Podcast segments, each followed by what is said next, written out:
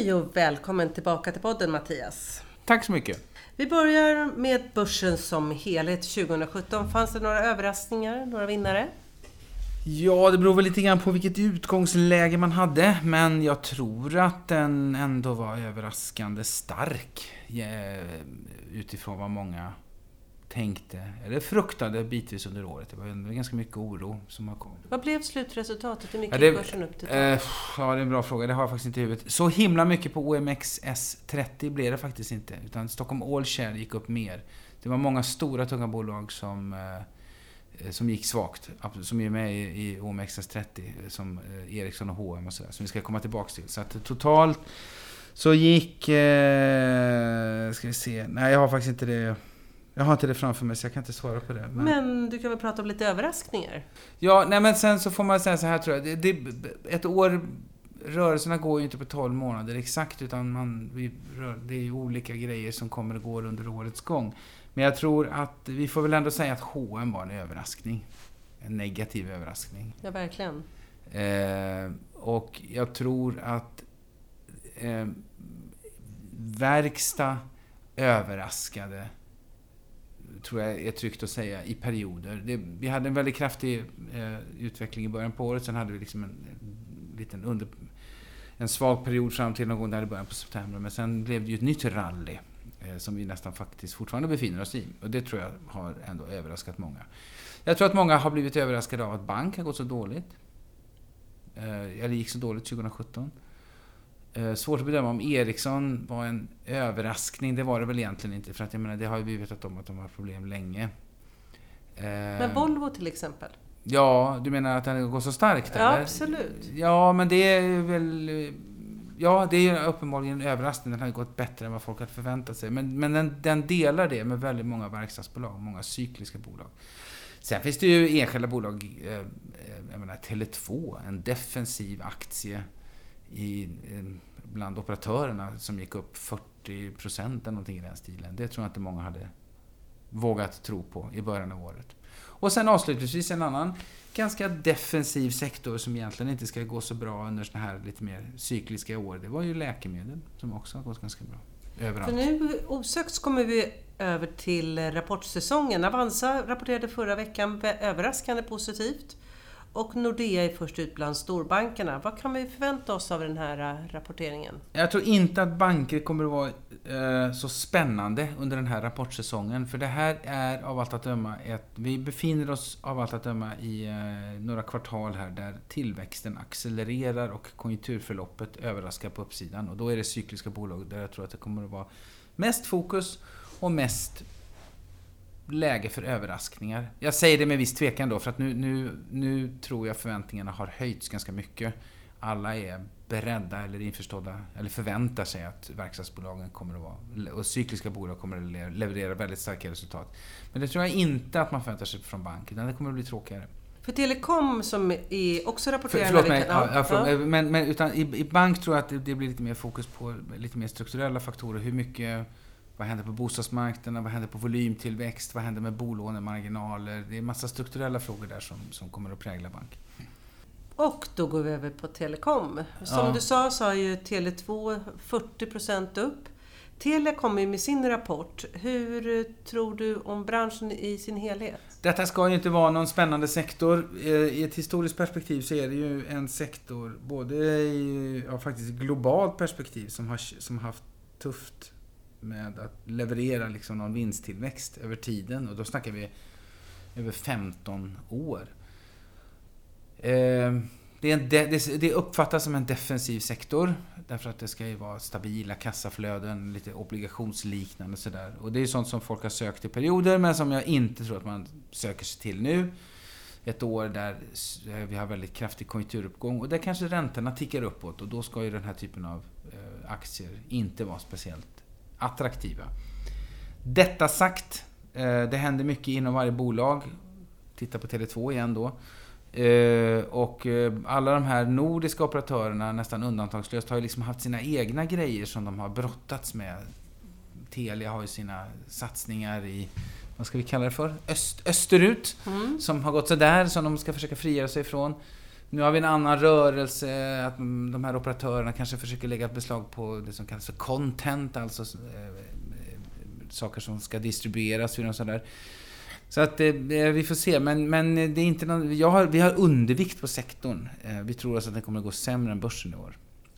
Så att bara från det ena lite negativa till det andra, för Ericsson är ett annat bolag som ja. hade ett svårt 2017. Men i det idag kan man till exempel läsa att, på, om börjeffekten, att man tror på ljusning. Hur ser du på det hela? Eh, ja, vi ska säga hur vi ser på det hela då. För att jag eh, tar ju mycket stöd av Fredrik Littell och så som tänker det. Och eh, han har ju precis tagit ner Ericsson till sälj faktiskt. Men det beror ju lite grann på att den har ju faktiskt gått ganska bra. Den har ju den har gått upp lite grann ett, ett tag här. Eh, vår huvud, huvudproblemet med Ericsson är att de har spretat iväg på massa försök att hitta ny tillväxt. Eh, och det beror ju på att deras gamla kärnområde inte är tillväxtbranscher längre. Man tänker på Ericsson som ett tillväxtbolag. Jag tror Ericsson själva tänker på sig själva som ett tillväxtbolag. Men de är ju inte det. Och då har man dragit iväg i olika riktningar och så får man backa från det. Eh, och så har man försökt köpa sig in i bolag och det har visat sig vara alldeles för dyrt och man får göra de här nedskrivningarna i ett, ut, ett, ett utslag. För det var ganska stora nedskrivningar? Ja, det var lite större än väntat. Folk visste ju att det fanns eh, ett behov av att skriva ner goodwill, men det var ju mer än vad väntat. Men, men jag tror att den dagen gick väl aktien upp, vilket är ett uttryck för att folk ändå tycker att det var skönt att man rensade bordet och gjorde det där. Och, och försöker då göra det som jag tror att alla, inklusive ledningen, har sagt att man ska göra. Nämligen fokusera på kärnverksamheten, Networks, och få någon slags stabil lönsamhet i det. Och då krävs det att man ägnar sig åt cost cutting, att skära i kostnader och strukturella förändringar. Så vår kritik har väl varit att det går för långsamt. Det är för tvekande och trevande och det går för långsamt. Så sälj din rekommendation, eller bankens rekommendation. Ja, mm. det är det. Verkstadsindustri har du varit ganska förtjust i under 2017. Mm, delar av 2017. Delar av 2017. Ja. Atlas kommer med sin rapport. Hur har sektorn gått? Finns det potential? Sektorn har gått jättebra. Eh, om det finns potential är ett... Eh, det tvistar man om. Jag Eh, tror att många är skeptiska och pekar på, just Atlas Copco pekar alla på att det är så dyrt. Och det är dyrt, det handlas på ett högt P-tal. Men eh, sektorn i sin helhet har vi då övervikt på fortfarande. Vi tog upp hela sektorn i början på september och sen har vi legat där sen dess. Ett litet orosmoln är dollarn.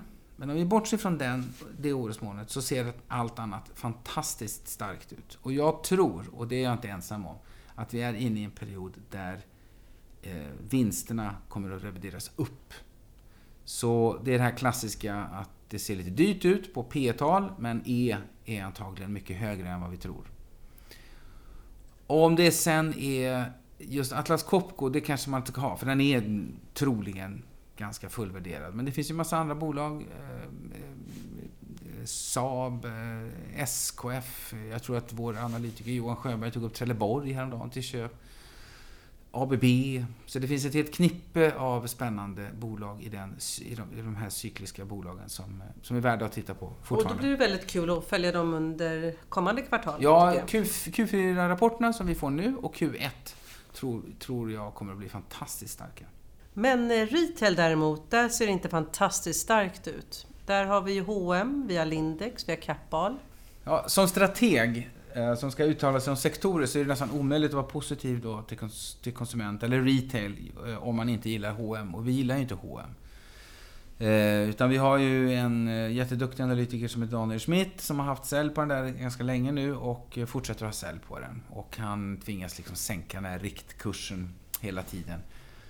Eh, och han har till och med, tror jag, en riktkurs. Han har ett slags worst case, värsta tänkbara scenario. Då tror jag att riktkursen är i ett sånt scenario 125 spänn eller sånt där. Och vad skulle det vara det värsta scenariot? Eh, ja, men det är egentligen bara att det vi har, ser nu fortsätter, fast ännu värre. Eh, eh jag tror att eh, eh, det här är en sektor, konjunkturellt så skulle det ju vara kanon. Jag menar, vi har en accelererande efterfrågan, konsumenterna mår toppen, arbetsmarknad, löner, alltihopa det här. Men sektorn i sin helhet utsätts ju för en strukturell störning som vi har pratat om tidigare. Disruption är ett sånt där favoritord på engelska. Och det har ju drabbat hela retail globalt. eh, I USA och det drabbar här. Snabbt och hårt. Och 17 var väl intressant för det verkar nästan ha varit en sån här brytpunkt när just försäljning Ökade så pass ökar. mycket. Ja, och att det blev liksom var mans grej att handla Exakt. på nätet. Ja. Och jag vet att jag var bara som en anekdot. Jag gick, jobbade i mellandagarna och tvärs över gatan där vi sitter nu så, så låg Boomerang och så gick jag upp till Daniel och sa Herregud vad de eh, släcker ner butiker. För då stod det en skylt liksom. Nu hittar, ni hittar oss online. Fast nästa dag så stod det ju att det var i konkurs. Så att det var, de hitt, då hittar man dem inte ens på online. Så att det, var, det är ett väldigt hårt omvandlingstryck i den sektorn. Så där får man vara väldigt selektiv. Jag menar, vi gillar norska XXL, vi gillar Boost som ju bara pysslar med online. Men det är ju små, små bolag i den här sektorn. Efter all den här ehm, den negativa trenden så kommer vi över till läkemedel. För det är ju en bransch som ändå går väldigt bra. Ja, och den eh, gick överraskande bra i fjol, trots att det egentligen inte skulle... Det är också en sån där sektor som man tänker sig ska vara lite defensiv. Eh, jag tror att vi pratade lite om det efter att vi hade varit i USA då i september, att vi blir lite mer positiva till de här stora läkemedelsbolagen av lite olika skäl. Ehm, och vi gillar ju de här stora aktierna i den sektorn. Astra, Novo Nordisk, Sobi, som gick ju upp 10, 11 eller 15 procent häromdagen på en affär eh, Novo Nordisk. Eh, så vi tycker att det ser ganska eh, fortsatt eh, eh, spännande ut. Ser ut lite grann som det är en tillväxtbransch faktiskt. Eh, I alla På fall för gott de här och ont. Ja, men i alla fall för de här bolagen. Ja. Och så, så ja, så den ser, den ser fortfarande intressant ut. Slutligen så var det ett rekordår för noteringar på Stockholmsbörsen Mm. i år igen, eller förra året igen. Finns det någonting du kan säga om eh, 2018? Vad tror du om börsen? Eh, vad gäller noteringar? Ja, Ja, nej, men det, det är väl egentligen ingen större skillnad. Eh, förutsättningarna är väl lika bra fortfarande. Det är såklart att eh, vissa eh, del, vissa sektorer kommer väl att möta kommer det nog vara svårare och kommer att möta en viss skepsis. Det är uppenbart att det kommer inte vara helt lätt att ta en bostadsutvecklare till börsen. Naturligtvis. Och det kan säkert vara ganska tufft att ta en del retail till börsen också kanske. Men i övrigt så är det ju en uppåtgående börs, eh, stigande värderingar, massor med inflöden, låga räntor, sent i konjunkturcykeln. Det är såklart att förutsättningarna för att det ska komma massa nya bolag till börsen är fortfarande jättegoda. Spännande. Då ser Ja. vi fram emot fler rapporter och fler analyser. Ja, Tack så mycket!